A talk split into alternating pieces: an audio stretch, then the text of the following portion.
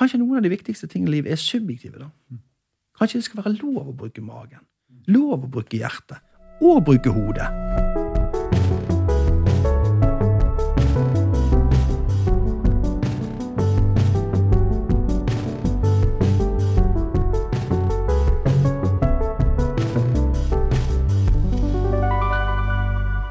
Flott nytt studio, Håvard. Skinnende nye muligheter. Skinnende nye gjester, kanskje også. Dette er Skapelsesberetninger. Jeg er Håvard Legreid. Mitt navn er Eivind Riise Hauge. Dette er en podkast for Bergen offentlige bibliotek. Eh, Her pleier vi å intervjue kreative folk om eh, det de gjør, det de tenker på, det de har kanskje lyst til å gjøre. Eh, Dagens gjest er designer. Mm. Det er jo en kreativ bransje som vi bare så vidt har vært litt innom før, med Team Michael som moteskaper. Eh, dagens gjest er strategisk designer og har eh, bakgrunn som eh, reklamemann, eh, filmmann, og er nå eh, hovedlærer ved NHH i Design Thinking, som er en sånn type branch. Det skal vi sikkert høre mer om i dag. Det er jo et av mine hjertebarn Mm. også. Han heter Lars Petter Aase, Mm. og da kan vi jo bare si eh, velkommen, Lars Petter. Velkommen. Hei. Eh, som eh, vanlig så har vi jo tvunget gjesten til å finne tre ting. Mm. Hvilke ting eh, har du funnet? Nei, altså, jeg fant jo noen pussige ting, selvfølgelig. Ja. Jeg Det var litt artig med en kar som satt liksom Ja, satt med øynene igjen og så ut som han reflekterte ganske intenst. Å, Og så tenkte jeg jeg må jo se hva han egentlig har lest. og der lå boken med baksiden opp. Så han hadde jo i hvert fall kommet et stykke på veien. ja. Og den boken het jo Fraud. Freud. Sigmund, det var jo boken om Sigmund. Oh, ja. Ah, ja. Så det var jo ikke rart han satt der og finspekulerte og reflekterte litt. da. Men det var jo litt fint, eh, fint det, altså. For tenk at i en travel hverdag så er det mye Konsumerer vi mye informasjon, men reflekterer vi så mye over det? Nei. Mm. Har du lest Freud? Ja, eller kanskje, jeg har nok lest litt av Freud, ja. Jeg har Ja. det, altså. så ja jeg har, jeg har sitert det kanskje litt òg. Mest på de tingene han er tilbakevist på. Kanskje. Mm. Hva er de tingene? Ja, ja, for eksempel at, at kvinner har penisenvy, for eksempel. Ja. Så jeg syns det var litt pussig, da. Hvordan tilbakeviser man det egentlig? Nei, det vet jeg ikke. Nei, jeg har for så vidt ikke gjort stort nummer av å tilbakevise det, men jeg bare ser at, eh, at det er kanskje noe omdiskutert. da. Og kanskje litt morsomt også. Og så er jo dette her med at han eh, Ja, dette med total uforpliktende kjærlighet finnes kanskje ikke, bortsett fra en mors kjærlighet til sin førstefødte sønn. Mm. Det er veldig spesifikt, da. Ja. ja. Og eh, ja, kanskje noe tendensiøst i forhold til kjønn. Ja. Så ja, det, han har jo sagt mye artig, da. Ja. Nei, Han har jo sagt veldig mye bra, men han har også sagt veldig mange ting som jeg syns det er verdt å stille spørsmålstegn ved. Ja, ja, ja. Så jeg bare slo meg, jeg bare husker også eh, fra min eh, relativt begrensede omgang med Freud, men det var noe med at altså, som, når du utvikler en del sånn trekk i voksen alder, f.eks. voldsom renslighet da, la oss si da, Ikke at du, du er over i det helt sånn eh, maniske, men du er veldig opptatt av det, og veldig ryddig og sånn. da. Ja, det er de som tok pottetreningen for alvorlig, for i barna. Ja, ja. Sånn, sånne ting som det. Det er jo, Ja. det er jo en, en altså, Apropos kreativitet, den mannen der Ja. var en kreativ type. type. Ja. Det snakker vi jo en eh, dyp innsikt i noen greier som ikke folk hadde helt uh, Ja, og lite tro på òg. ja. Mm. Det var jo ikke rett frem. Nei, Nei. absolutt. Så holder kanskje mye av den motstanden en del av uh, de kreative tenkerne, i hvert fall i relativt til innovasjon, Mm. ja. møter. da. Det er jo en god del mistrohet, og vi er jo skeptiske til nye ting. Mm. Så der tenker jeg at han fikk bryne seg. ja. Er du skeptisk til nye ting? Eh, ja, altså, jeg, jeg har jo nok en grunnleggende skepsis, jeg som alle andre. Men jeg har nok kanskje litt mindre enn gjennomsnittet, vil jeg tro. Mm. Jeg liker jo nye ting. Jeg syns jo det er spennende. Mm. Så jeg er jo Jeg syns det er artig. Og selv om det ikke på en måte fungerer eller har noen hensikt eller funksjon eller jeg kanskje, kanskje ikke er estetisk engang, men, men at det er noe nytt og interessant, det, det har jeg en hang til. Ja. Ja. Har det ført deg inn i den uh, bransjen du er i, tenker du? Jeg tror nysgjerrighet har ført meg inn i den bransjen. Definitivt. Altså Det Ja. å være nysgjerrig på nye ting, og ting som kanskje er litt annerledes off, og, og kanskje òg ting som ikke helt kan forklares rent sånn naturvitenskapelig. At det er noen fenomener som Enten fordi det er veldig mange komplekse variabler, altså mange ting som spiller inn, eller fordi at det er såkalte myke variabler, eller Ja. Kvalitative variabler. Har du alltid vært nysgjerrig da, av sånn av eh, natur? Ja, det har jeg nok vært. Jeg har nok alltid vært nysgjerrig. Ja. Ja, det, det vil jeg si. Men det er jo kanskje litt vanskelig å si. Og jeg er jo 50 år, vet du. Det er så lett å etterforklare. Sant? Nei. Nei.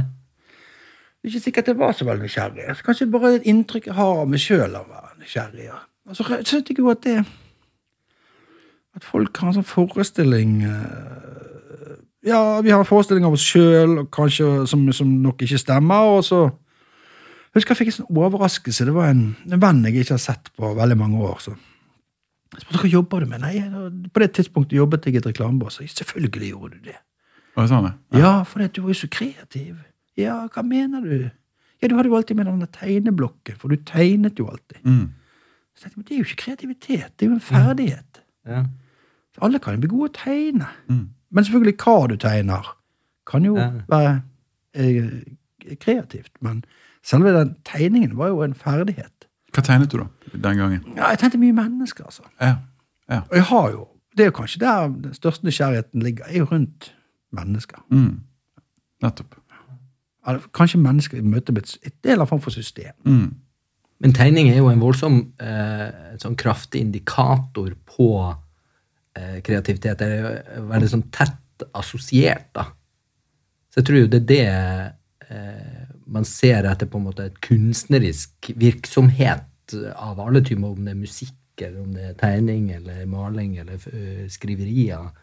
At det er en sånn eh, så Jeg ser kanskje ikke at den distinksjonen mellom ferdighet og kreativitet eh, er så tydelig. Nei, Nei og det, det trenger kanskje ikke være så tydelig, men jeg ser på det kanskje som en uttrykksform. da. Ja. Og så tenker jeg folk velger ulike medier, sånn som du er inne på. Noen lager musikk, og noen tegner, noen maler, noen tar fotografier eller film eller skriver eller gjør Men altså, det, jeg er jo der er jo veldig enig sant, at du må jo på en måte ha en uttrykksform for kreativiteten. Mm. Det må jo ha et utløp. Det må jo manifestere seg i noe. ja. Så det tror jeg at Jeg tror nok du har et poeng med at kreative folk kanskje leter etter et medium å uttrykke Mm. seg. Ja, og at eh, eh, visse sånne uttrykksformer er jo mer tydelige for omverdenen. Ja. For jeg, sy- jeg syns òg det var veldig vanskelig. Eller litt sånn eh, Skjønte ikke hva jeg skulle bruke det til når eh, liksom, folk sa sånn eh, Du er jo så voldsomt kreativ. Så, eh, et- jeg forstår ikke altså, Brukte mye av 20- og 30-årene på å forstå hva, hva de la inn i det. Så jeg visste ikke hva jeg skulle svare på eller hvordan jeg skulle liksom eh, eh, forholde meg eh, til det. Men dette er jo litt det samme som du sa. sant? Ja. Altså akkurat Han er kompisen din fra Du var jo alltid så kreativ. sant? Var ikke noe sånt han sa? Jo. Men altså, har dere begge hørt liksom eh, alltid om dere sjøl? Å, der går han der. Ah, der går han kreative. Ja. Eh, liksom, eh, I noen miljøer kan jo dette være et skjellsord. sant? Han er kreativ, han vil ikke jobbe. sant? Bare rundt og være kreativ. sant? Ja, så Det var jo litt sånn som når vi snakket med Tom Kosmo, at han sa at kunstner i hans oppvekstmiljø, mm. det var jo et skjellsord. Mm. Altså, det var ikke positivt. eh, Det var liksom eh, Mens det har jeg, jeg kom jo ikke fra den samme bakgrunnen, da. Så hjemme hos oss så var jo det Det var jo flott. Å være kunstner. Ja. Mm. Det kunne man jo se på, men det var jo fordi at min mor hadde jo liksom kunsthistoriske bøker, og det var jo overalt i huset. Mm. Så det var jo det eh, kjekkeste. Likevel så syns jo mine foreldre at eh, når jeg ønska å gå på tegning, form og farge og sånn, Nei, det Et steg og grensen. Ja. Ja. Det, det kunne man gjøre etterpå. Altså etter man har gjort det, det skikkelige. Nå må du først bli advokat, så kan vi snakke om den, den Ja, formen ja. og fargene etterpå. Var det sånn? Ja, det var sånn. Ja. Ja, jeg eh, ble jo bestukket. Altså, jeg, eh, jeg skulle, hadde jo tenkt, altså, jeg ville jo gå tegning, form og farge, for dette åpenbart var jo en interesse for meg. Og så, Dette var jo på, eh, på 80-tallet, vet du. sant? Og der var jo Vannseng var jo en knallhard valuta. så, og jeg begynte et år for tidlig på skolen. Mm. Så jeg var jo litt ung, og den gangen så var jo ikke det tegning, form og farge i Bergen, så da måtte du dra til Voss. Ja. Og da tenkte min mor uh, at det var kanskje jeg var litt for uh, ung, og kanskje litt for nysgjerrig Mm. til å bo alene uh, på Voss. da. Som Ja. 15-åring, da, eller? Sant? Så, ja. Mm.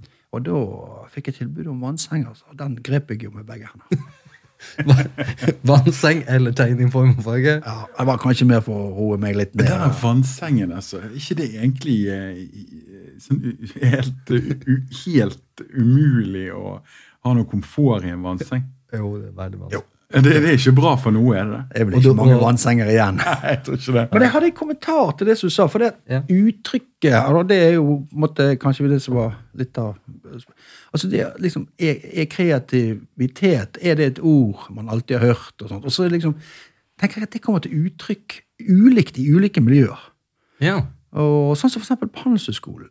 Så ble jo jeg introdusert som nonkonformist. Mm. Oi. Ja, og det er jo et veldig, veldig flott ord, da. sant? Ja. Mm. Men det handler jo ikke om å uttrykke seg Ja, det handler jo så vidt kanskje om det òg, men, men det handler jo om å være villig til å bryte med Eller ikke akseptere alle normer eller alle på en måte ting som er fastlagt. da. At man er villig til å ikke, være så konform, altså ikke la seg bli så konform at ikke man stiller spørsmål ved en del ting som vi som regel tar for gitt. Og det syns jeg var litt stas. da. Ja. Det var et fint uh, uh, ord. Jeg hadde en diskusjon tidligere i dag om uh, ordet rebell. Og liksom, altså For meg så har det en sånn positiv klang. Mm. men han, Jeg har sittet på jobb i dag med 220 rebeller. Ja. re, rekriminell. Nei, men kanskje nonkonformist var mer sånn eh, Det var jo pent. Finner du det i ordboken, ja. ordet? Jeg tror ikke det. Nei. Men jeg lurer på kanskje det var akademikerens måte å si at dette er en rebell på. Ja. Mm. Men, jeg- men jeg tenkte på dette med, med, med altså Det er jo mange som smykker seg med dette, de som er kreative. og sånn. Jeg synes jeg hører det Jeg tror ikke jeg har møtt et eneste menneske som ikke syns sjøl at uh, han eller hun er kreativ. liksom, sant? Og jeg tror vi har snakket om det før, men det skal jo inn i en, hver, jobbsøknad, for eksempel, sant? Du er så kreativ. Så, men, Ja. altså, man er jo ofte fristet til å spørre men hva, hvordan da? Hva er det du har gjort? liksom, så, Ja. på, en, på en måte da. Så mange som, mange som er uttrykk, altså Det er blitt et sånn innarbeid. Det, det er noen, bare noe alle er, på en måte. da, sant? Ja. Men jeg syns vi må stille litt høyere krav enn at du, at du er hva skal, Hvilket eksempel skal man ta, da? Du bruker litt mer paprikapulver enn andre, eller sant? Altså, vi må, liksom, et eller annet må vi jo be om det for å forsvare liksom det. Ja. Eh, men du er jo litt på alle kreative og sånn. Men det, det vanner jo ut begrepet veldig. da. Ja, altså jeg mener jo at alle mennesker er jo, er jo det, og at det som Altså at kreativitet er noe som eh, Det både kan læres Ja. eh, og øves Ja. og mange sånne ting. Og jeg tror at ved å hjelpe folk til å lære og øve, Mm. så kan du tilby noe annet som er livskvalitet eller eh, lykke eller mestringsfølelse eller sånne ting. Og at det er der på en måte den alle er kreative, på en måte hører hjemme. Ikke nødvendigvis, sånn som du sier, det, ikke nødvendigvis i ferdighetsarbeid, eh, for det krever eh, enormt mye. Veldig mye disiplin og langsiktig arbeid og sånn. Men gleden over å finne ut av noe, eller sette to ting sammen som ikke hadde så veldig mye med, med hverandre å gjøre, eller gjette litt inn i fremtiden, det tror jeg alle på en måte kan eh, få et par verktøy og øve litt på og sånn. Og det, det er godt både for det individuelle, altså for enkeltmennesket, men også at det er bra for andre mennesker. Mm, absolutt. Men samtidig så er det jo noe med Jeg skal bare skyte inn det at det er jo noe med eh, Dette har vi jo også vært borte, men jeg har tenkt en del i det siste. Og jeg tror liksom at eh, altså Det er jo noen dette ligger mer naturlig for en andre. La oss si det på den måten. da. Ja.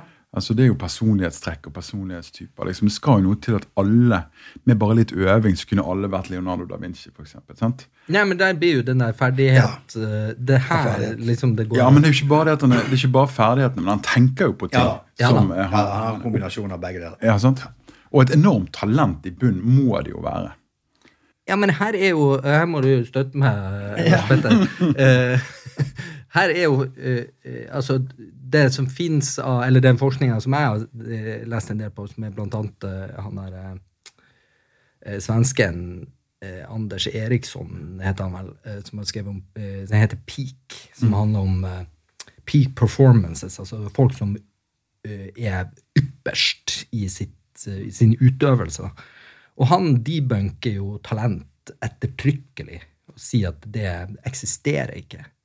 Det er ingenting i hans undersøkelse av folk som har ekstreme egenskaper i forhold til å utøve, om det er musikk eller sjakk eller løping eller hva som helst. Det er ingenting som tyder på at det er noen forutsetninger som, som til slutt er avgjørende. Det er mye viktigere at du har hatt riktig trening over lang nok tid. Selvfølgelig. selvfølgelig, Der er vi enige.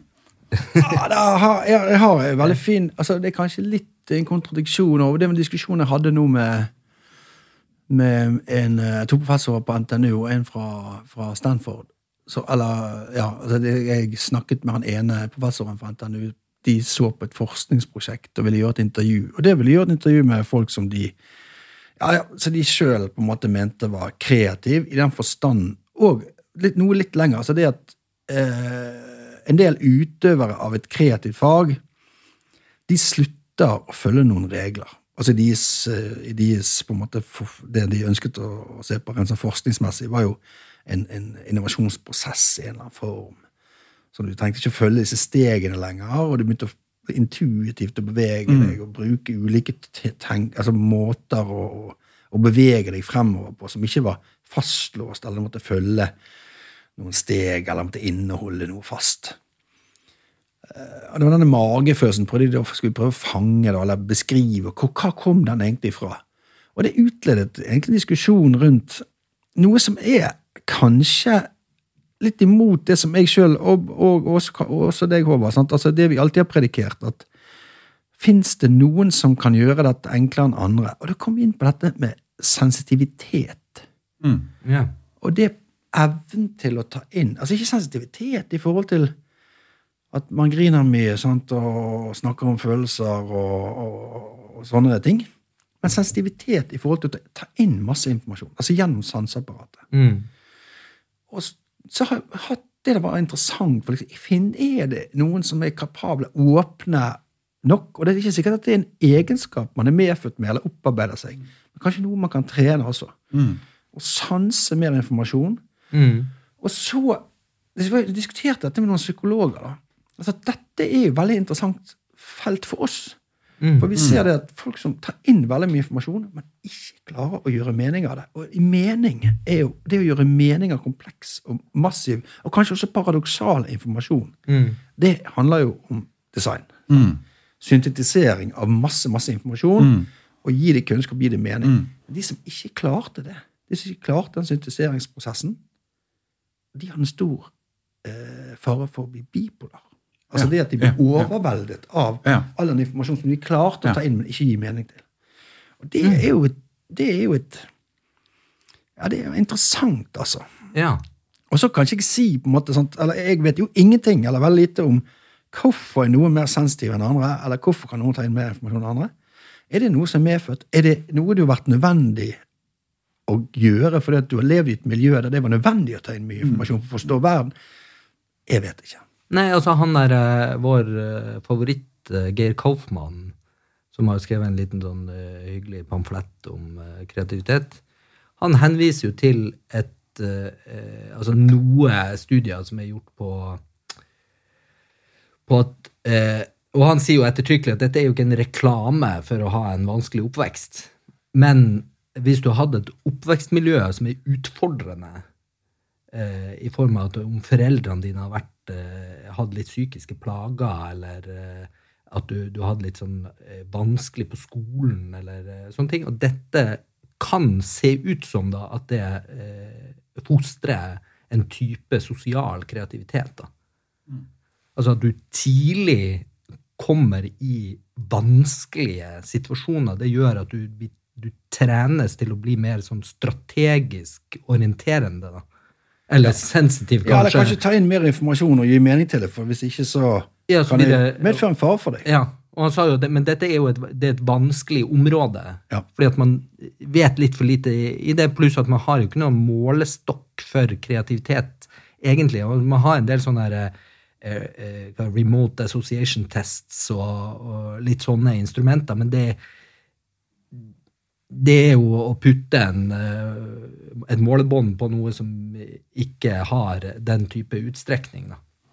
Men betyr dette da eh, kanskje at når jeg sier talent, så mener jeg egentlig sensitivitet? da? Kanskje. Men Ja. en annen ting som jeg syns du var innom på, så, så, altså, som jeg syns faktisk gjør det mye vanskeligere for de unge i dag, og som kanskje gjør at de bør lytte på podkasten deres, det er jo det at den gangen vi begynte i et reklamebyrå, eller, eller de som begynte i et reklamebyrå, de kom jo inn døren med mappen sin og viste hva de hadde gjort. De viste ferdighetene sine. Og det kunne gjøre at de fikk jobb. Mm. For hva har du laget? Hvem er du? Sant? Helst først hva har du laget. Men det var ofte basert på ferdigheter. Sant? Men det ga deg et, en, en rolle og en mulighet til å ta del i et kreativt yrke. Mm. I dag er jo ikke det sånn. Så når jeg har forelesninger, folk spør hvordan, du, hvorfor du jobbet i reklamebyråer, i media, i kreative yrker hele ditt liv. For det var mye var kanskje mye enklere. altså. Kanskje vi bare kunne komme inn døren og vise ferdighetene våre, så fikk vi trene i et ekstreme eh, kreativt miljø. Kanskje det, jeg vet ikke. Kanskje det kan være en forklaring på det. Men det er jo veldig Og jeg pleier å si til de unge lag noe. Ja. Det er samme hva det er. Når du skal søke en jobb, sørg for at du har med noe. Det betyr ingenting om det er et dikt du har skrevet, om det er et bilde du er fornøyd med, du har tatt et eller annet. For folk viser jo ikke frem. De skriver jo, som du sier, på CV-et sitt at de er kreative, eller andre Gjerne i tredjeperson. Andre synes jeg er kreativ. altså Det er jo veldig vanskelig å forholde seg til. Ja, ja. Det er så å si umulig. Hva betyr det? Det er altså Stående alene sånn, som du helt meningsløs eh, på en måte, konstellasjon. da. Ja. at, Hva, hva skal jeg gjøre med dette? Men Jeg eh, skal peile oss tilbake til Vi har bare tatt én ting. jeg vet så- jeg skal bare si dette. og det er at i dag kom, Hva kommer de hva kommer de inn med i dag? Jo, papirene sine og karakterene sine fra universitetet. Sant? ja. Ja. Ingenting laget, ingenting Nei. skapt. Det er jo, og så tenker jeg også det at det er jo ikke så viktig om det bildet har en veldig stor kvalitet. Du har tatt et bilde med iPhone din. Men kanskje den diskusjonen om det bildet kunne vist at du var kreativ. Mm. Ja, eh, fått til en diskusjon. Nettopp. Unnskyld. Håvard, Ja. du hadde noe eh, du ville Nei, jeg videre ville til. bare få, de tre tingene, som vi har, har de, så vi trenger ting nummer to. Ja, det var en litt interessant altså, Jeg syns det var knasende morsomt, da. Men jeg kom over, og nå skal jeg prøve meg på å språke litt, uten at jeg er så god på dialekt. Men det var en kar som, som snakket med hun bibliotekaren og sa at jeg vil gjerne ha en bok. Den var rød og handlet om den kinesiske presidenten. Jeg tenkte, Det må jo være veldig utfordrende. Ja. Det blir sånn en mann som synger denne sangen inne i platebutikken for å få platen. Boken var rød og handlet om den kinesiske presidenten. jeg vet ikke hvor mange, altså Det må være skrevet en del bøker om kinesiske presidenter opp igjennom, men jeg tipper jo alle er røde. Ja, ja, det er det nok. Men det er, dette er jo eh, Jeg vet ikke om du har fått det med deg. Altså, du, nå har jo jeg jobba jo tidligere på biblioteket lenge. Og det var, er jo, så vidt jeg skjønte, et av favorittemnene til bibliotekarer, de som er liksom klassisk skolert, er jo når det kommer en nøtt. Når det kommer en potensiell låner med et skikkelig vanskelig spørsmål som er Det var en barnebok som handler om ei jente med lyst hår. Og noen døde. Den er kanskje svensk. Og da settes jo hele apparatet i sving. Ja. For denne boken må jo lokaliseres. Ja, og man lykkes jo. Man, man lykkes jo. ja, ja, det, man lykkes uhyggelig raskt. Fordi at det er så mange brains som blir satt i sving, og intensjonen er så klar. Denne må bare finnes. Ja. og så er det teorier. Og dette går, har jo gått på mail i, tidligere. Nå har det jo vært litt på Teams de, her på slutten, eh, husker jeg. Men det er jo eh, Det er godsaker. Det er godsaker biblioteket. Ja, ja. Helt klart. Ja. Eh, har du noen eh, Nei, nei, nei. nei. Jeg, jeg, jeg har vært ute på sånne spørsmål, jeg, Ja. selvfølgelig. Eh, Men det er ikke er interessant for det at altså, Det er en deduktiv metode. Det er liksom, ok, Jeg har noen clou, og så kan jeg analysere meg frem til hva er svaret. Ja. Og det, Vi snakker jo om det motsatte. Vi snakker, eller ikke motsatte, men vi snakker jo kanskje om en ja, det kan være inne, altså En kreativ prosess kan jo inneholde induktiv, altså eksperimenter, den kan inneholde deduksjon, altså, altså logikk, og den kan inneholde abduksjon. Altså hvordan skal vi på bakgrunn av den informasjonen vi har fått, eller har, eller, eller skaffer oss, eller ønsker å skaffe oss, skape noe helt nytt som ikke har noe bestemt uh, tilknytning mm. til hver og en enkelt av disse, den informasjonen vi besitter. Mm. Det er jo en form for kreativitet. Mm. Absolutt. Jeg er så glad du sier det. Dette er jo mitt favorittbegrep. Hva er kreativitet? Nei, abduksjon. Det er jo liksom eh, Ja, det å gjette, eller altså å, å ha evnen til, eller muligheten til å være et sted hvor du skal gjette hva den tingen du ikke vet hva er, og som ingen egentlig vet hva er. Det er jo liksom en litt sånn underkommunisert Uh, greie. For man holder på en måte den vitenskapelige metodikken aller høyest. Det er jo å si med 100% eller høyest mulig sikkerhet at slik er verden. Men så gjør du jo hundrevis av beslutninger i løpet av en dag som er basert på veldig høy grad av usikkerhet. Eh, og det gjør jo at folk lever hver dag og ikke blir påkjørt av bussen. og eh, sånn, Pluss at du gjør jo en hel del livsbeslutninger på veldig sviktende altså det er jo Kanskje mer induktive beslutninger, men likevel så er det jo noe med at eh, det å trene på, eller jobbe med det å gjette frem i tid altså det, det er jo litt sånn som vi var inne på med Cecilie Holk, at du, du, forfatter, og hun skriver jo fortere enn tanken. Ja. Ja. Og det er jo helt altså Bare det å, Ja. å tenke Hun er jo liksom har, i, har vært i norgeseliten i hurtigskrift. Og da kan, kan du jo liksom skrive raskere enn du tenker. Ja. Hva kommer ut da? Ja, oh, det er gøy. Det er jo gøy. Og så en annen ting hun gjorde, var at hun Du kan jo sikkert huske det. At hun snur mens hun skriver, så snur hun skjermen inn mot veggen, så hun ser ikke hva hun skriver. Det er deilig. Ja. Du skriver fra magen. Ja. Ja. Så du har ikke noen redigeringsprosess gående mens du arbeider. Du bare Kan ikke selvsensurere det. mm. Nei. Nei, og, men det gleden av det, da. Altså, hvis vi snakker om den du som var inne det, gleden av å ja, skape et eller annet som ikke du, eller altså, i hvert fall du har vært klar over, ingen andre heller i denne verden har vært klar over, er jo ufattelig. Altså den ufattelige gleden når det går opp for deg at dette, sånn kan det være. Sånn kan det bli.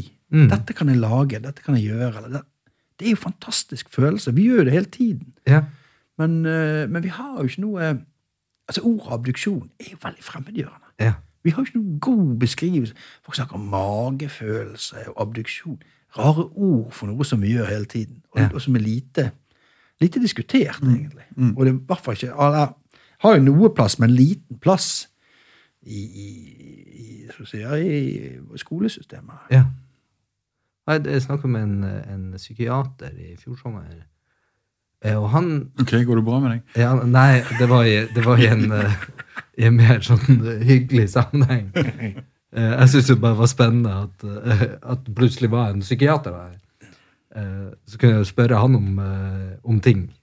Men han kom inn på det at at hjernen jobber Og dette har man målt, da. Det, er så- det er så gøy med psykiatere, det er jo det at det er jo liksom eh, hard science eh, at de jobber typ 0,8 sekunder inn i fremtiden. Altså at eh, hodet ditt gjetter hele tiden. Ja. Det er det du gjør. Den, og han mente at hjernen var en prediksjonsmaskin. Ja. Og få se fremtiden. Yes, og det, det er hva, hva, du- hva liksom uh, frontal cortex og hele greia er bygd for. Og det åpner jo for, for liksom en hel interessant Og der blir det jo det, hvis du skriver fortere enn du tenker, så er det jo det at du lever jo egentlig da l- litt inn i fremtiden. Ja. Det er jo ja, Ja, det er gøy. ja, det er gøy å tenke på. Ja. Men det tror jeg er, altså, det er jo en necessity, sant? å prøve å forutse uh, verden. Men det gir jo også den på en måte nakkdelen at man må alltid prøve å forklare verden. sant? Fordi at vi er så lite interessert i, og vi har så stor aversjon mot å leve i usikkerhet, at vi alltid må forklare verden. sant? Prøve å gi den gi den en mening. sant? Gjerne etterrasjonalisere. Og si at 'nei, men dette skjedde på grunn av det'. Altså, Verden er kaotisk og kompleks. Vi har relativt liten kontroll, selv over egne liv. Men det er vanskelig for oss å akseptere. Så Derfor outsourcer vi jo masse av valgene våre. Nå skal jeg ikke snakke, jeg skal, altså, jeg ikke snakke ned på en måte folk som er religiøse, sant? men det, altså, da outsourcer man jo da valg, for eksempel. Så man setter, man får en oppskrift kanskje på hvordan man skal leve et liv. Det fjerner, fjerner jo det at du selv må ta disse valgene. Det gir deg en orden, det gir jo deg en ramme Mm. hvordan du skal leve et liv. Og så skal du kanskje få en betaling i det hinsidige. Men det gir deg i hvert fall en god del av trygghet, vil jeg tro.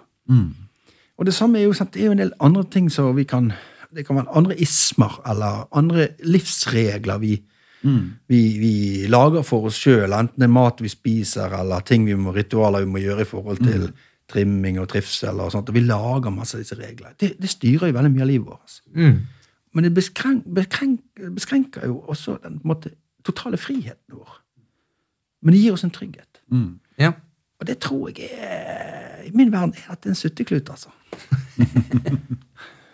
Ja, men det er jo liksom den der eh, opposisjon mellom eh, en form for nysgjerrighet, altså en utadsøkende eh, og trygghetssøkende. At du får liksom en sånn Jeg tror jo eh, litt sånn dessverre på mange måter at mennesket er mer trygghetssøkende enn eh, nysgjerrig. Og at det, det, det er det som er motstand. At eh, når du er i ferd med å avdekke noe nytt, så kan du ofte ta temperaturen på hvor bra det nye muligens er, ved hvor mye motstand møter du. At folk har en intuitiv forståelse av hvor farlig eh, dette er. Og hvis du er inne på noe gullende godt nå, så møter du veldig raskt mye motstand. Men hvis du ikke er inne på noe, så vil du ikke møte så mye motstand, fordi det er ikke så farlig, eller det er ikke så nytt. Så da blir de ikke Nei, altså dette er jo, dette er jo Platons beskrivelse, sant? Altså hule, hulelignelsen, sant? Der han, sant? Hva, hva skjer egentlig sant? når han ser nå disse her eh, tegningene på veggen og velger å, å gå ut av hulen og kommer løpende ned, og den forklarer lukter og syn og følelsen og solen som han måtte vende blikket vekk fra alt dette som han hadde opplevd, som var så helt fantastisk. Han hadde sett en ny verden og vil dele det med de andre. Mm. blir jo slått i hjel. Det er jo det som ofte skjer. Ja.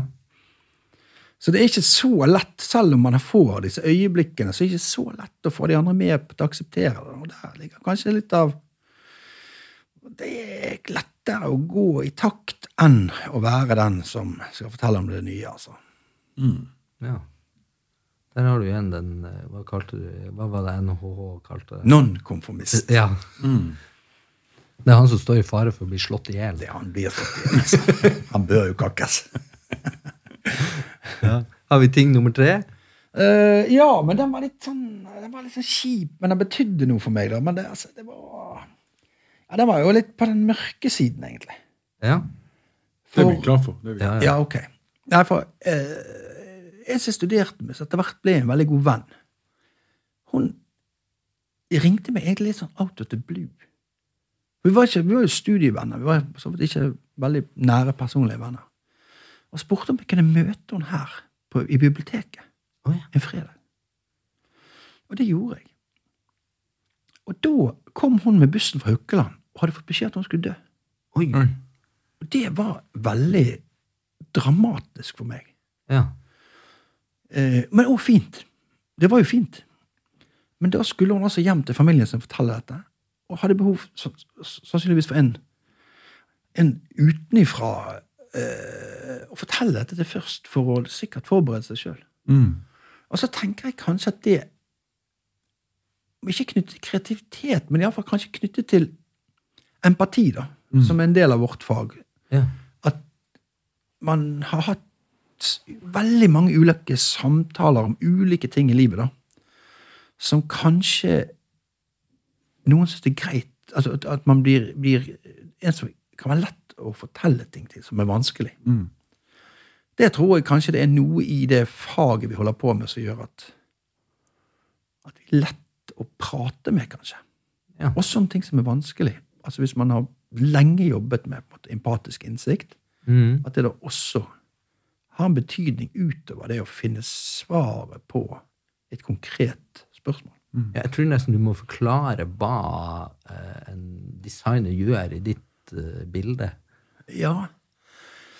Ja, for det, ofte studerer man jo et fenomen som for mange andre er kjent og fast. Sant? For over tid så vil vi det, ja, hvis, hvis vi snakker om for eksempel en eh, være seg en organisasjon, da, som kan ha ulike typer prosesser, de kan ha ulike forestillinger om verden. Over tid så sammenfattes disse horisontene, så man får et felles syn på hvordan ting bør være. Og det har vært fornuftig, for det har vært en måte de har løst sine problemer på. Og det var hensiktsmessig en gang. Men så fortsetter man da å lære dette til hverandre, og lære det til nye folk i organisasjonen, og så går årene. Så endrer verden seg på utsiden av en organisasjon, mens den kanskje blir mer fastlåst på innsiden av organisasjonen. Og når man da kommer inn og skal gjøre, forstå dette, da, forstå hva er dette, hva er dette fenomenet, hva er det som påvirker dette, både menneskelig, men også rent prosessuelt eller rent strategisk, er det hensiktsmessig? Da må man jo snakke med disse menneskene. Og mennesker, de har jo ikke et bevisst forhold til det. Deres virkelighet er jo, er jo sånn som den er. Og du skal prøve å finne ut hvor, hvorfor er denne verden sånn. Hvordan er det sånn? Hvorfor gjør vi disse aktivitetene? Hvorfor sier vi det vi sier? Da kan vi ikke spørre noen om det. Mm. Vi må snakke med dem om disse grunnleggende på en måte, verdier, holdninger, normer og atferd. Og vi må observere det. Sant? For det er ofte et avvik mellom hva folk sier, og hva de gjør. Mm. Og så er jo selvfølgelig at eh, Det var vel en som sa at, som forsket litt på at kanskje 70, opptil 70 av det vi sier i løpet av en dag, er jo løgn. Eller i hvert fall en Det trenger ikke være en bevisst løgn, men altså en Mm. mer eller mindre ubevisst bevisst løgn. Altså Vi har kanskje ikke et reelt, virkelig oppfatning av, av måte, det vi, vi sier, stemmer ikke helt overens med, med verden. Og da eh, er jo de samtalene som går på de grunnleggende verdier og holdninger, den er jo da veldig vanskelig å få til. Sant? Det krever mye empati, og det krever jo at man må se, observere, lytte og, og tolke. Mm. Så det er vel litt om empati. Du har nå sjøl jobbet med dette, Håvard. Ja da, jeg tenkte at når andre skulle forklare hva design var. Ja, det, ja. ja, at det var Har, du, har du løyet mye i denne samtalen? Ca. 70 har jeg, mener jeg òg. Ja, jeg sitter jo og gjetter i fremtiden, så uh, med nødvendighet så mye av det er ikke sant. Jeg vil jo kanskje ikke kalle det løgn, men uh, det er sannsynligvis ikke sant. Det er jo liksom hele, tenker jeg, hele diskusjonen å prøve å nærme seg en slags sannhet, da. Mm. Men om den er eh, riktig i en annen sammenheng, det må jo den andre sammenhengen kanskje, kanskje vise. Jeg er jo liksom opptatt av at alt, eller at menneskelivet i dag, er veldig mye mer strukturert enn det har vært eh, tidligere. Ja. Og at jo lenger man kommer unna en slags sånn bio, biologisk tilstand, da, eller eh, sånn jo mer av greiene rundt både atferd, eh, verdier, men også gjenstander og aktiviteter er på en måte Det er jo designa. Ja. Og noe av det er jo designa med intensjon. Andre ting er jo bare blitt sånn. Jeg leser en veldig eh, Om det er sant eller ikke, syns jeg kanskje ikke er så viktig, men det var veldig interessant, eh, i alle fall. Det var jo det at eh, det var en som tok et, et resonnement angående eh, jernbane til den ytterste konsekvens. Da. Altså, eh, og så forfulgte han ja, hvorfor er sporvidden mellom sporet på en jernbane sånn som den er. Hva er eh, årsaken til dette? Og så begynner du å nøste. Øh, øh, hva er Så det er jo akslings I dag bygger du et helt moderne lokomotiv som kan dra ei romferge, liksom. Men sporvidden, avstanden mellom akslingene og liksom alt dette, er jo basert, hvis du nøster på det, er jo helt tilbake til romersk tid. Det er hva man fant ut av praktiske årsaker, at var bæreevnen til den trestokken som holder eh, hjulene fra hverandre på ei vogn, og hvor mye som var hensiktsmessig å bygge brostein når de kurva jo eh, veien, og så skulle du ha ei renne i sida. Der skulle jo hjulet gå så godt som mulig uten å knekke hele greia. Men den sporvidden der, det er jo den samme i dag. Så det betyr jo at bæreraketten til romferge, dimensjonen på den, er bestemt av en gjøk i Roma for 2000 år siden. Det er jo helt vanvittig å tenke på. Ja, altså den, den er jo òg biologisk, så å si. Altså den, det skulle ha plass til to hester. Ja. Og det var jo de to hesterevene som avgjorde avstanden. Ja, det var det som var det hovedpoenget. Ja.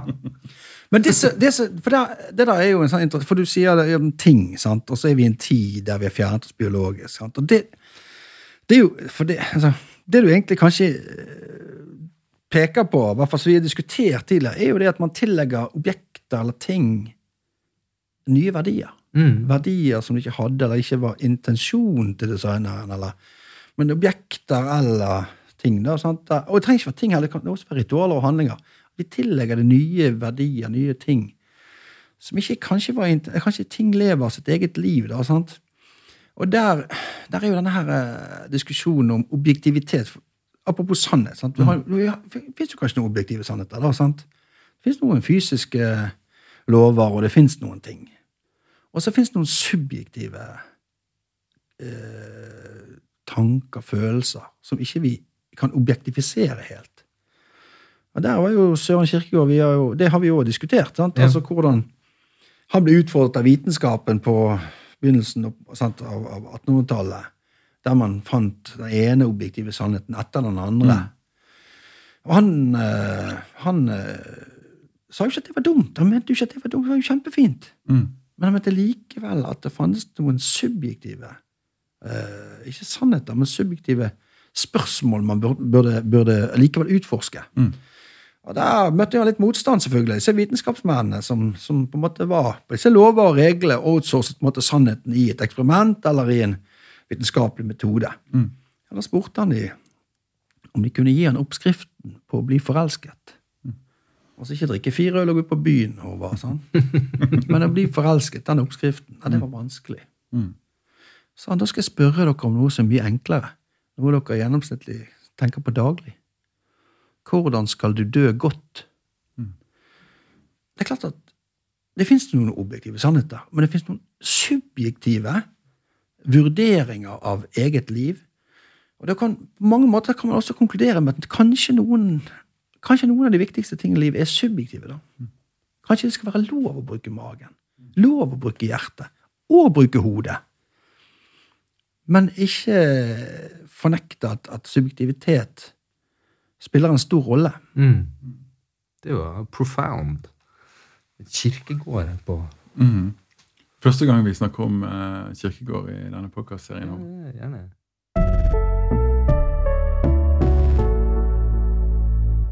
Du har jo nettopp, uh, for å vende tilbake til uh, deg, Lars Petter, så har du jo nettopp innlevert din mastergrad. Ja, grad, det får begynne å se på. Det Den skal jo sensureres først. Ja, den skal sensureres først. ja. Men eh, hvordan er det å eh, på en måte vært hovedlærer i flere år på intet mindre enn NHH, eh, men ikke ha den eh, graden i lomma, liksom? Nei, det er jo uhørt. Uten tvil. Nei, heldigvis er det, det er jo et praktisk studie. da. Altså, jeg skal det vel sies at jeg kanskje nok hadde nok studiepoeng, si, hvis det, som det heter nå. da. Het jo Vekdal da jeg studerte Ja. først. eh, eh, til, til en mastergrad. Men så må man skrive den avhandlingen. Da, er Klart at det var jo, det var jo ok at, at, at man kunne skrive den på den institusjonen som, som man hadde, hadde en eh, leveranse til, eller hadde en relasjon til, og, det er jo en fascinerende relasjon. Nei, institusjon på veldig mange måter. Og det skal sies, sant. Altså, I dag så går ikke folk Vi tenker på siviløkonomer eller folk med mastergrad i økonomi. De går ikke ut fra skole uten å ha lært design. Mm. De gjør jo ikke det. Mm. De gjør ikke det lenger. Sant? Atferdsforskningen Ja. blomstrer på Handelshøyskolen. Atferdsøkonomien. Altså, det er jo, og Der snakker vi jo på en måte hvordan kan vi prøve å forstå subjektivitet. sant? Veldig interessant. Så det er, og innovasjon forskes mye på nå. Team, mennesker, relasjoner. Ekstremt viktig. Men det er klart at eh, Det skal også sies akkurat det faget som vi jobber med, Håvard. Mm. Så er det sånn at Der er jo ikke produsert veldig mange doktorgrader. Nei. Så det er jo et doktorgradsstudie. Så, så master er jo på en måte en, det som kalles for terminalgrad innenfor vår, vår, vårt fag. Såpass nytt er jo det faget. Så det er jo, eh, det er jo heldigvis en mulighet enda uten å fordype seg veldig mange år, ta doktorgraden. Kanskje til å, til å ja, dele det faget med andre, da. Ja. Hva skrev du om? Ja, det, der var jeg litt dum, altså. Fordi at, eh, at du skal skrive en avhandling, og det handler om å skrive en avhandling og levere den fra deg Ja. for å få en grad, så bør du egentlig velge noe som eh, mange har skrevet om. Det er jo ganske lurt. Du får masse litteratur, du kan bygge på det eksisterende osv. Sånn. Men jeg eh, gjorde jo selvfølgelig ikke det. så det er mange som har skrevet om hvordan strategi påvirker kultur. Og det er jo det er veldig fascinerende. Det er ekstremt eh, nyttig for ledere å se på hvordan kultur påvirker. At I et, eh, i et eh, i et virkelighet der, eh, i hvert fall i, i, sant, i vestlig verden, der det, eh, informasjon er tilgjengelig for alle. Sant? Forskning er tilgjengelig for alle. Eh, disse, vi har de samme leverandører, du kan få tak i de samme tingene, du kan lese opp patent. alt, Veldig masse er tilgjengelig. Så forskjellene mellom organisasjoner ligger jo ofte i kulturen. Sant? Så hvordan vi mennesker samhandler. Hvor, hvor gode er vi på det? Der ligger jo voldsomt mye av konkurransekraften. Men så valgte jeg selvfølgelig dimensjonen hvordan kultur påvirker strategi. Altså hvordan vi kollektivt prøver å, å, å fatte valg som kan være fornuftig for en organisasjon. Og Der var jo ikke skrevet mye. Så der gikk vi på en smell, altså. Det ble noen sene netter og Ja. Så derfor er jeg jo litt usikker på hvor Hvordan det gikk? Ja, jeg er jo det. Ja. Hvor lenge er det til du får Nei, det er, det er fire uker til. Ja. Ja, Så du har akkurat eh, ja det er vel 14 dager siden. Ja. Så det er seks uker. altså. uker. ja. ja hva, er, eh, hva vil du si at det er liksom innovasjon, da? Hvis vi skal bevege oss liksom i randsonen av eh, kreativitetsbegrepet, som vi har vært mye inne på. Nei, der, det er jo ingen, jeg mener jo ingen som har en veldig god, eh, god definisjon på det. sant? De har ofte delt i to. sant? Og det at eh, innovasjon er noe nytt.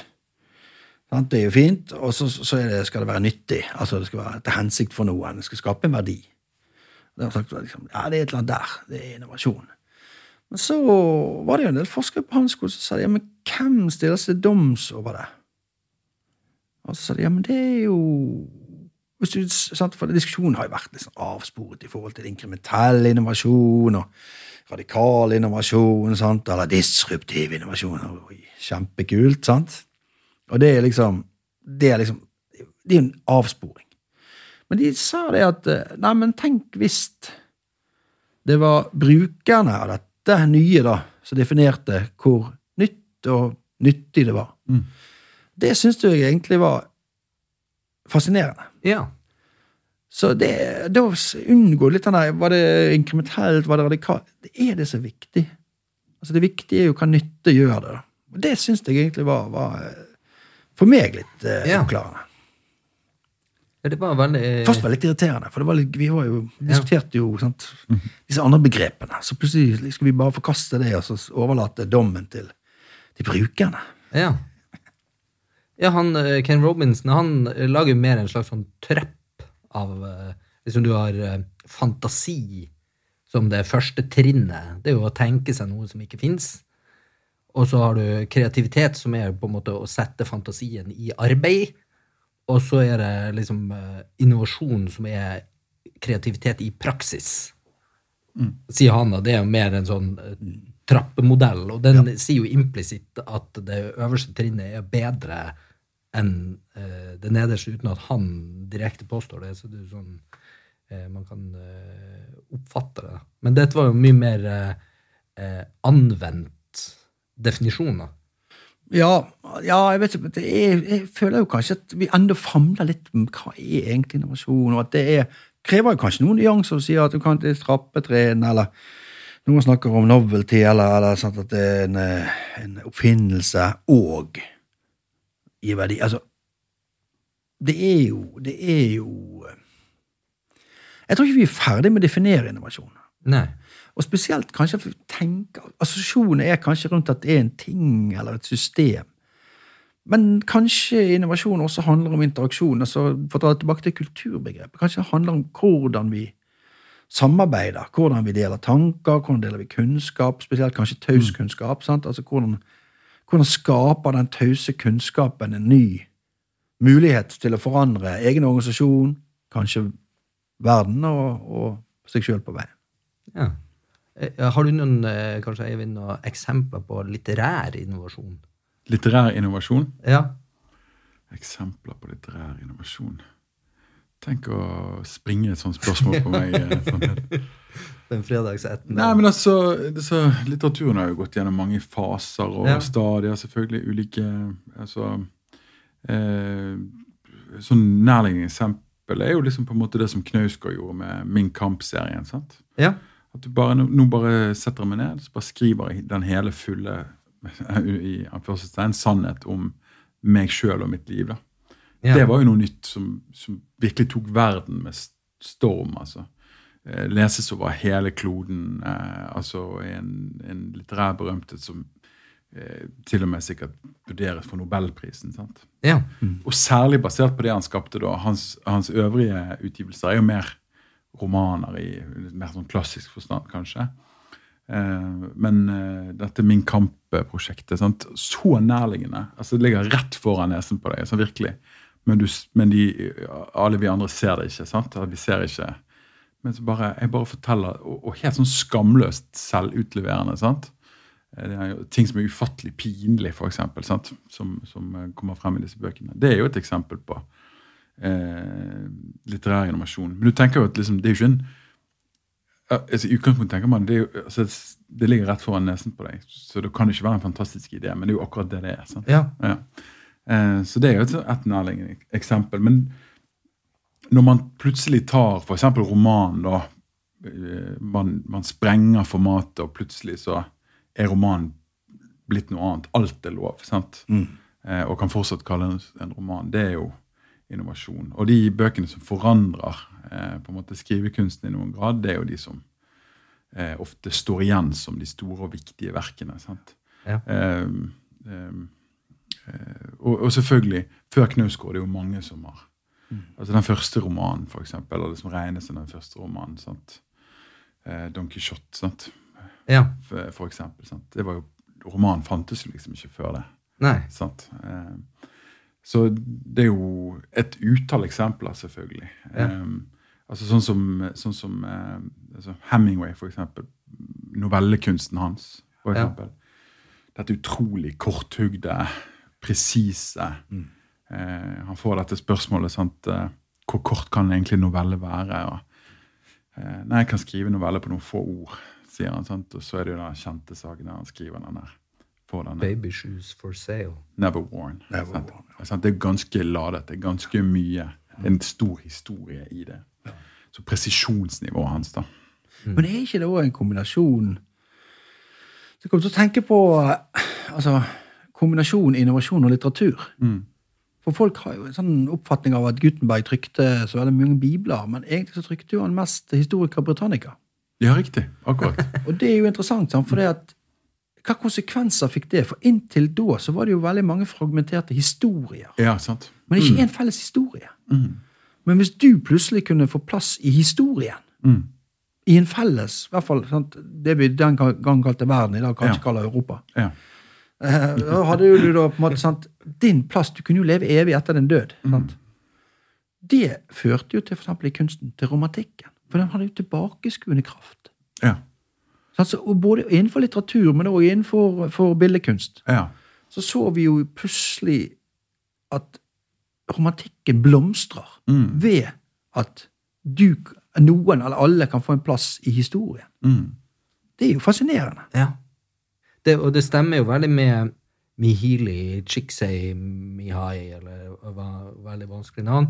Han som har skrevet bøker om flyt og eh, creativity og sånn heter de titlene. Han krever jo av den kreativiteten han behandler, så krever han jo at den er paradigmatisk.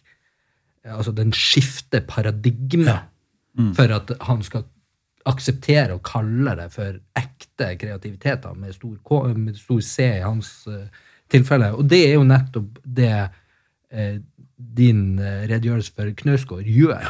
At den endrer det litterære paradigmet. Ja. Sant? Og det du gjør i sted, altså du, er, du, du, du er oppfinnsom ved istedenfor du, du slutter å dikte. Sant? Ja. Og det er jo liksom litt paradoksalt. Ja. Ja. Ja. Hvis dere forstår hva jeg mener. Ja, ja, ja. Mm. Isteden bare skriver du det sånn som det var. Men selvfølgelig kan ikke Knausgård huske samtalen han hadde med sin far som åtteåring. Nei. Han er jo nødt til å dikte. Det blir han en subjektiv oppfatning av det. Absolutt. absolutt. Og, og. Så det er jo ikke slik at dette er altså, Sannheten er jo tapt. Sant? Alltid. Forstår dere hva jeg mener? Ja, ja. Altså, Den er, den er glemt, den er borte. Ja. Eh, men, men eh, det er så nært han kommer, da. Og han kommer jo, altså man får jo følelsen av at han kommer ganske så nære. da. ja Men det der er jo interessant, for nå, nå er det blitt sånn der derre Det er jo blitt en sånn evig pingpong, eh, litterær eh, sport, om Mm. at noen skriver sin subjektive oppfatning av gjerne sin oppvekst, eller sin, Ja. og så svarer da kanskje en søster eller en bror eller en tante eller onkel. Eller Ja. Vigdis Hjorth-saken eksempel, er veldig kjent. der. Men, mm. Ja, nå er det Abid Raja og søsteren. Sant? Ja, altså, ja. Folk har ulike subjektive oppfatninger av, Ja. en, verden, av, av en såkalt objektiv oppvekst. ja. Det er jo blitt det, syns jeg også er interessant. Sånn, ja, ja. Du får de ulike perspektivene fra folk som har levd under samme tak, f.eks. Det er jo eh, superinteressant. Så, så, eh, men jeg personlig er jo eh, Jeg er jo ikke så opptatt av denne virkelighetslitteraturen. Altså Man må gjerne skrive om altså Ikke misforstå meg, man må gjerne skrive om virkeligheten. Men jeg vil jo slå et slag for diktningen. Ja. det, det, det, må, det må jeg si. Altså, jeg er ikke så men jeg tror veldig mange lesere er sånn utrolig nysgjerrig på liksom, å, få dette livet ditt, hvordan det var der. Og, og, sånt da. Og jeg, jeg, jeg klarer ikke å liksom, bli så interessert i Knausgård sin oppvask, eller sant? Altså, det, det Men hva ikke- sjanger er det du eh, interesserer deg mest for?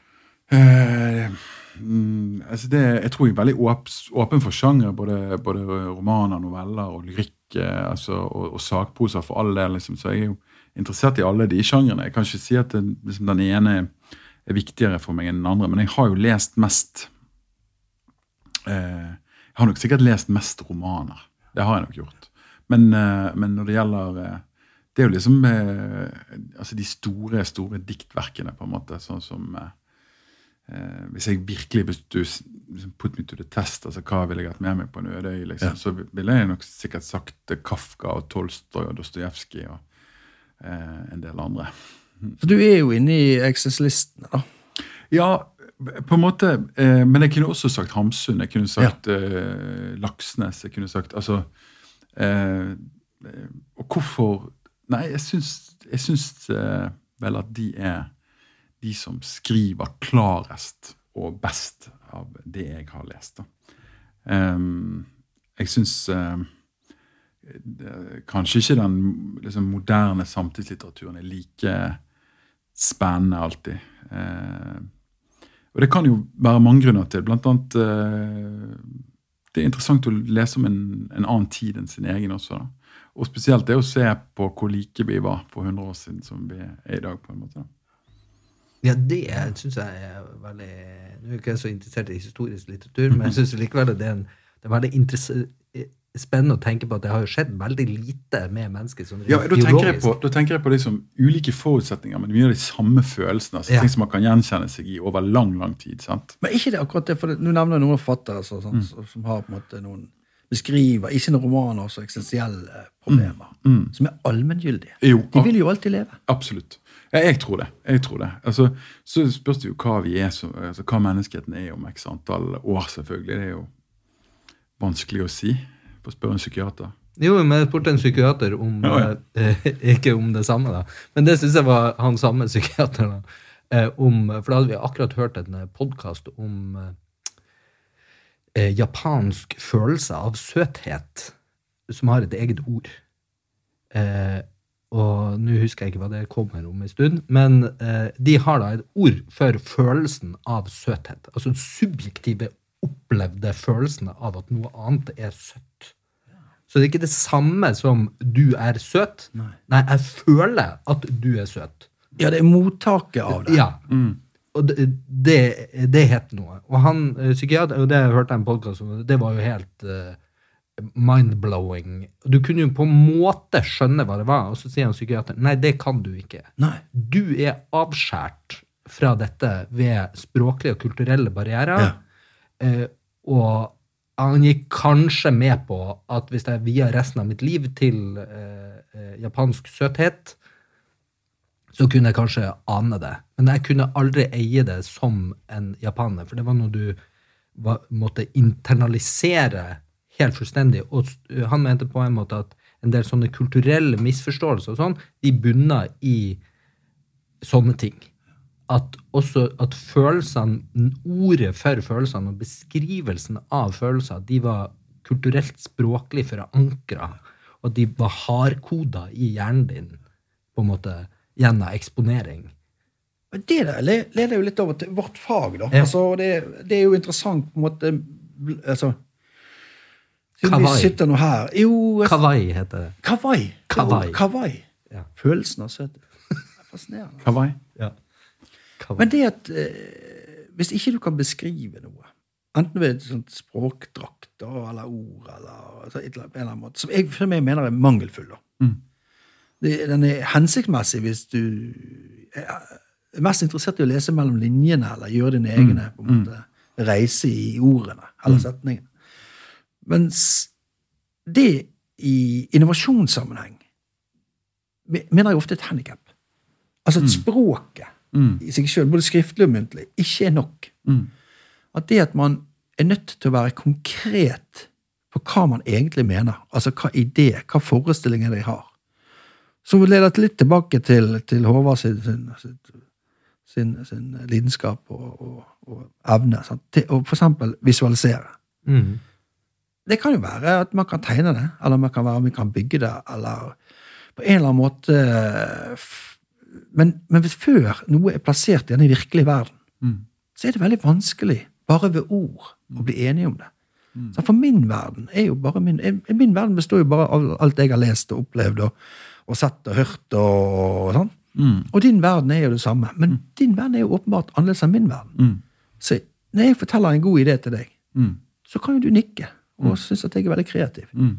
Men jeg kan være helt sikker på at selv om vi er veldig enige om at det er en god idé, så bildet inni ditt hode være Ja. annerledes enn mitt bilde. Absolutt. Absolutt. Og så sant, det er jo dette med, med, eh, med språk og virkelighet. sant? Altså, altså, det er sikkert mye teori om det, men det er jo ikke det samme. Nei. Eh, Så selv om jeg sier ild, så begynner, så begynner det ikke å brenne. Nei. Sant? Det er jo to, to forskjellige størrelser. sant? Ja. Virkelighet og språk. Noen vil sikkert hevde at nei, det er liksom ingen virkelighet uten språk. sant? Og, sant? Men det er jo en del fysiske fenomener for eksempel, eh, som eksisterer selv om du ikke har språk for dem. Ja, ja. Mm, Og, eh, men det, det, det er jo eh, Jeg bare kom til å tenke på eh, eh, sånn, eh, sånn språklig Altså noen, en forfatter som har skrevet så godt og nært at eh, liksom Ja, du må lese mellom linjene, og sånn, men, men liksom det er så Nesten et, et, et ufattelig kunstverk. Da. Det er jo han Vladimir Nabokov som annet skrev Lolita. Ja. Jeg har aldri jeg glemte å nevne han i stedet, men jeg har aldri sett noe så velskrevet. Altså, det er eh, For meg altså, altså, det er perfekt. Altså, det er så tett på skikkelsene og det følelsesmessige som, som skildres. Det er så overbevisende da, at du virkelig bare for å være litt sånn flåsete, at du er der. sant? Mm. Og, og, og du kjenner denne skikkelsen. Altså sånn. Så det er liksom når det, når det lykkes, da. Men så de aller aller fleste romaner, er 99,9% lykkes jo bare delvis. sant? Og så kan kritikerne mene den er litt bedre enn den. og den, sant? Alt dette. Men, men eh, sånn som Men din Lolita mm. Er jo ikke Nabokov sin Lolita. Nei, nei, nei. Men det er så Jeg vil si at eh, For å bruke sånne begreper som subjektiv altså, Dette er, dette er, altså, dette er liksom et mesterverk. Altså, på, altså, Jeg kan ikke forstå verden på noen annen måte enn at dette er et mesterverk. For det hvis ikke så går min verden i oppløsning. på et vis. Skjønner, forstår dere hva jeg mener? Eh, Men hva som gjør at han klarer å beskrive det sånn at du ser dette? Ja, også så meg og ganske mange andre. Jeg, jeg må legge til at jeg ikke er alene eh, om dette. da. Det, hva er det, liksom? Så presisjonsnivået, kanskje. Eh, sånn at i det tilfellet, sånn, i motsetning til det jeg sa i sted, så blir altså dette Det han lykkes med, at det blir virkelig. da, sant? Eh, dette, altså dette kunne like gjerne ha, ha hendt, på en måte. Ja. Eh, ikke fordi at det er en troverdig historie, det er ikke det jeg mener, men det er liksom den eh, Nå er jeg ingen litteraturviter heller, så det er viktig å understreke det. Og, men det er et eller annet med at eh, det, det, presisjon og nærheten og selvfølgelig eh, altså dypt som forstyrrende eh, lesning. Måten han får deg altså Denne her eh, Humper Tumper-skikkelsen er jo en overgriper. sant? Som da, men du, han får deg til å, å forstå han, sant? på tross av at du ikke vil. sant? Eh, han driver også sånn et nydelig grep. Han driver liksom og, og sier sånne ting som at eh, den oppvakte leser har gjerne allerede forstått at så ja, eh, sant? Ja. Ja, så- Du er så forført, da. Ja. Og kanskje det er det forføreriske elementet Ja, ja. som er Ja. så tiltalende. Men det er, det er jo altså Men det er jo fascinerende at han klarer å tvinge deg inn i overgriperens øyne. Ja, ja. Lure deg inn i Ja, overgriperens øyne. ja. Selv om du stritter imot. Ja, ja, og det er så Det er bare så intelligent gjort, da. Som hele veien. Og det, det er aldri det, det finnes ingenting i den boken som, som Det er jo kanskje kvalitetstegn. Det er ingenting som er for mye, og det er ingenting for lite. Men igjen, jeg skjønner jo at dette er jo som en, også en subjektiv erfaring. sant? Men, men, um, Men det rører jo åpenbart uh, mange mennesker. Ja, ja. Og, og i, i litteraturen og i musikken og i en del andre kunstfelt, så um, det, det, Dette skillet mellom godt og dårlig, det er jo ikke kunstig, på en måte. Sånn, tenker jeg da, at det er, det finnes Og så kan man vurdere der om det er bedre enn det, eller, eller ikke. Selvfølgelig kan man, kan man det, og her kan man jo være uenig, men, men det finnes um, det, det er et eller annet der som, eh, som eh, altså Hvis noe har overlevd i hundrevis av år, da, og er elsket for Si Bach, da, bare for å ta et helt sånn nærliggende eksempel. sant? Så eh, Så eh, Altså, det er jo objektivt vakkert. Og jeg kan ikke på en måte definere eller si Det er vanskelig å forklare, sant? men det er bare det, det, det, det snakker til et eller annet i deg som virker som å ha vært med mennesket hele tiden. Hvis dere forstår hva jeg mener. Altså, Ja, det men liksom- jeg tenker Det finnes en universell magefølelse på et vis. Det finnes en universell tro, jeg klang. jeg, har litt, jeg har ikke noe belegg for å si det, men jeg har jo, har jo litt tro på det. da. Altså, Det er litt sånn her uh, The world look like, looks like that. Maybe it is like that. Altså, Skjønner dere hva jeg Ja. mener? Mm. Ja.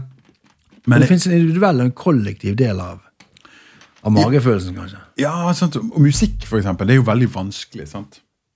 Eh, musikk er jo veldig vanskelig. sant? Det er jo, sant? Vi har holdt på med dette sikkert siden tidenes morgen, mer eller mindre i en eller annen forstand. da, sant? Med musikk og satt og trommet der. og Med en gang vi kunne lage, vi plystret. og sant? Eh, Det har liksom vært der hele tiden. Og hva det er, liksom, eh, dette må man jo snakke med noen sånn musikkteoretikere om, men hva det er der som er så appellerende, da hvorfor å sette på den låten får meg til å bli beveget eller glad, eller liksom det bare skjer. Da? Eh, og det kan være en låt du hører for første gang også. Ja. Det trenger ikke være å ja, det er et minne. jeg har så gode minner fra denne, Men det kan være noe du hører på første gang. Ja, ja, ja, sant? Ja. Det, det forekommer jo. Sjelden. Og det skal være sjelden, men det forekommer jo. Men der finnes det jo en umiddelbarhet. Er Noe som kan bli en hit. Noe Mm. Ja. som etter eh, jeg vet ikke hvor mange hva algoritmen til Spotify er, men skal hooke deg på noen sekunder. Mm. Som fascinerer, og som, som er også gjelder veldig mange. Ja. Men så er det noen ting som du sier. Ja. De lever evig. Ja. De lever lenge etterpå. Du kan på en måte, du har glede av å lytte på nyansene ja. mange sant? hundre år etterpå. Ja, ja absolutt. Sånn som, Ta ja, Barth, Når er det han lever? På 1700-tallet? er det ikke det? Eller er det 1617? sant?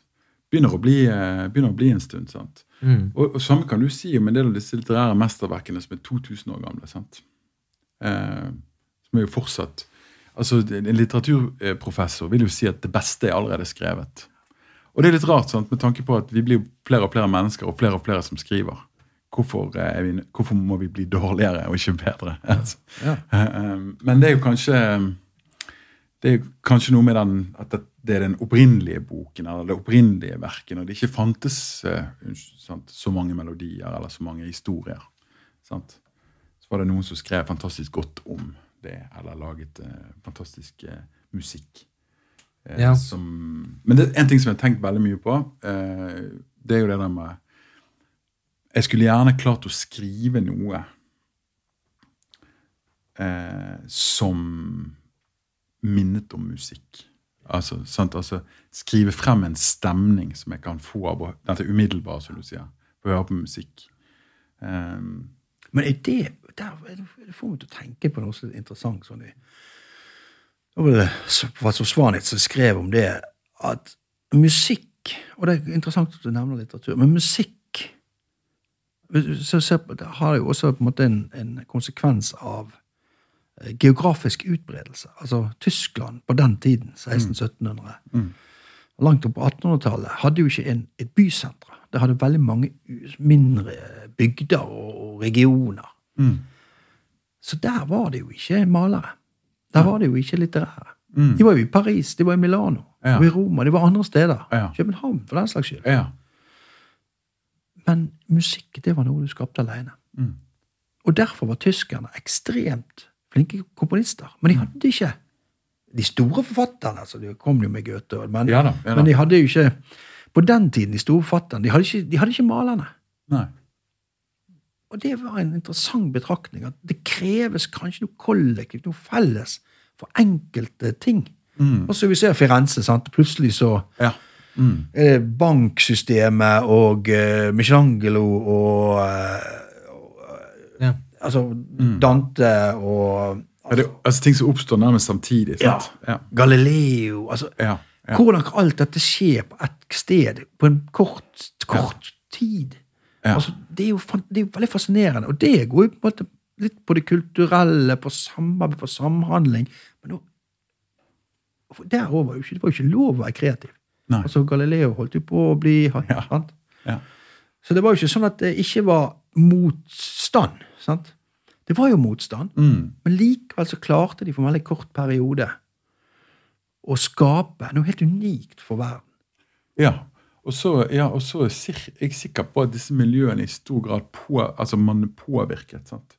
At eh, liksom, Man har jo mange sånne perioder i historien i forskjellige byer liksom, der liksom et eller annet miljø eh, oppstår. Og så kommer det noe fabelaktig kunst ut av det. sant? Gjerne, gjerne eh, ikke bare innenfor ett eh, kunstmiljø, men liksom mange ting. Plutselig kommer musikk og litteratur og malerkunst fra dette stedet. sant? Det er jo det et utall eksempler på opp gjennom århundrene. Mm. Eh, og, og sånn som i dag, sant, så, så er man jo man er jo Når man sitter og, og, og, og, skriver eh, eh, sånn, Georg Johannessen sa jo liksom at eh, når han så på sin egen tekst, at det vrimler av sitater. Så skjulte sitater. Sånn, så det, det er veldig lite av dette som egentlig er meg, bortsett fra hukommelsen. da. Ja. Sant? ja. Ja. Det er jo veldig interessant. Veldig interessant. Vi har jo vært inne på Nå vil jeg gå mot liksom avrundingsspørsmålet. Eh, og nå har jo du snakka om mesterverk. Og liksom vi var inne Sa jeg det? Brukte jeg det ordet? Nei, du brukte ikke ordet. Det, det klarte jeg å plukke ut av løse lufta. Men det som er jævlig rart det jeg. Jeg skal bare si det. Det som er jævlig rart, altså det er jo eh, Når vi snakket om altså disse mesterverkene eller sant, og hva man skulle tatt med seg på en øde øy, og sånn, så er det jo sånn at eh, Jeg merker jo det at eh, på, en, eh, på en mandag så ville jeg eh, sikkert svart noe annet. Altså, det er veldig Situasjonsbetinget. Ja, liksom, og humør, ikke minst. sant? Så jeg blir jo aldri sikker på noe av disse tingene. Sånn jeg er aldri sikker. Jeg føler liksom at jeg, at jeg forandrer meg hele tiden. Ja, Nå åpner du et helt nytt uh, felt. Ja. Jeg er ikke den samme uh, hele tiden. Uh, vi går ikke ned den okay. Veien der. Men for jeg hadde litt lyst til å snakke om så altså Nå var vi på, på mesterverk. Det er jo når, den, når det nye eller innovasjonen eller det kreative er ferdig. Eller liksom vises til verden. Hva med makkverket, da? Hva med, hva med feil? Ja, du har en, du, har en du, du er glad i makkverk. Nei, men altså at uh, Der tror jeg jeg og Lars Petter er litt sånn enige at uh, altså hva er At man underkjenner kanskje makkverkets rolle i uh, den eh, kreativiteten, da. Fordi at det er jo egentlig forutsetninga for det Altså, du har jo kanskje hundrevis av makkverk før du når noe som kan ligne på et mesterverk, eller en innovasjon, eller et eller annet. At det, eh, jeg tror jo på at du må feile masse. Ja, ja, ja, absolutt. tåle å feile. Så jeg håpte kanskje at eh, den gale reklamemannen skulle gi oss Ja. en eh, ville historie. Ja, jeg har jo masse jeg skjems over, selvfølgelig, som alle som putter noe ut i verden. sant? Og der kan jeg eh, dra en. Men det, også, for det, det makkverket feires jo, eller skal jo feires, selv om vi egentlig hater å feire det, og vi lyver kanskje litt om det, og de verste tingene gjemmer vi. Men så er det blitt en tendens til å feire, feire, feire. Men det jeg tenker er Og det, siden vi sitter nå her med en, eh, en eh, litterat, da Ja. så tenker jeg at Hemingway hadde jo en fin beskrivelse av det. Han satt seg ned, så stirret han på det papiret, og han kalte det for Den hvite oksen. Mm. Og der satt han. sant? Og det han visste, det var at han måtte bare begynne å skrive. Mm. Det var samme hva han skrev, men han måtte begynne å skrive. Altså Akkurat som du sier. Du må jo bare begynne å feile. Mm. Det kan jo krølles og kastes, og så kan du begynne på nytt. Men den store hvite oksen den synes jeg var veldig, det er veldig, veldig bra, for det stirrer imot en redsel for å komme i gang. Mm. For du må jo akseptere at det blir dårlig for at det skal bli bra. Ja, Mm. absolutt. Det er knallhardt. Ja. Ja, men tingen er at du må jo gjennom det. Ja. Altså, det, er ikke, det, altså, det er ikke sånn at du kan Jeg tror i hvert fall ikke det at du kan Så kan du bare Nei, det var ikke i dag fikk jeg ikke til noe, så bare legger jeg meg ned på Kanskje det blir bedre i morgen. sant? Det er ikke sånn det fungerer. Sant? Du, må jo, du må jo inn der og, og liksom og prøve å produsere. Så får det bare bli drit, da. Men det var jo bare en del av uh, veien. Sant? ja, Men, du er ville lure av meg en, en, en Ja, eh, vederstyggelighet. Ja. Ja, altså, jeg kan jo eh, Noe som kanskje er kjent for bergensere, det kan jo ta Altså, det eh, det var egentlig, Jeg var litt sliten, og så ble jeg oppringt eh, på ettermiddagen. Og så ble jeg bedt om å, liksom, om kunne delta i, altså bidra i en navneprosess, eller egentlig sånn, komme med navnet til kjøpesenteret kjøpesenter i Bergen som skulle bygges på det nye posthuset. Ja. Ja, og det var jo sånn voldsomme tanker rundt det. Nå ble det jo ikke akkurat sånn som det var tenkt, men i alle fall så, så, så det var jo veldig interessant. Og ja, det er klart det, det, oppdraget, det tar jo det. Men når må dette leveres? Nei, Det må leveres i morgen, for da skal vi ha styremøte. Hvis jeg har tenkt å bruke en milliard på et bygg, men dere kan bare gi meg noen timer på ettermiddagen på, på navnet. Ja, sånn var det. Det var premisset. Så sa jeg eh, Sant? Apropos eh, man hadde litt tro på egne kreative evner. Så det kan jeg jo ikke gjøre en forsvarlig prosess. Men det jeg kan gjøre, er å sitte med dere i kveld og lage en lang liste av alternativer basert på det du forteller meg. Det er alt jeg kan klare. Og jeg kan sende den til deg i kveld. Og så får dere bare gjøre som dere vil. Så det gjorde jeg. Og jeg tror faktisk at det var over 100 navn på den listen. da. Men i alle fall han ene han tok eh, om morgenen tok den printet ut, de alle forslagene, klistret det på kjøleskapsdøren, og ba datteren på 14-15 år om å peke på de kuleste navnene. Så det ble altså Exhibition. da. Så jeg tar ikke fullt ansvar for det, men, men det var mye bråk om det i etterkant. da. Ja. Og så er jo det vittige med det. sant? Altså Det som på en måte kanskje var ikke helt innertier, da, og som ble stående i veldig lang tid, rett og slett bare bli en del av kulturen. Og Det var mye bråk i starten, men etter hvert så Hvem bryr seg? Mm. I dag så er det helt greit. Det tror jeg vi sier tusen takk. Ja, det, dette har vært veldig kjekt. Dette var veldig stor pris på at du kom. Ja, Tusen takk. I like måte. Takk for at jeg fikk komme.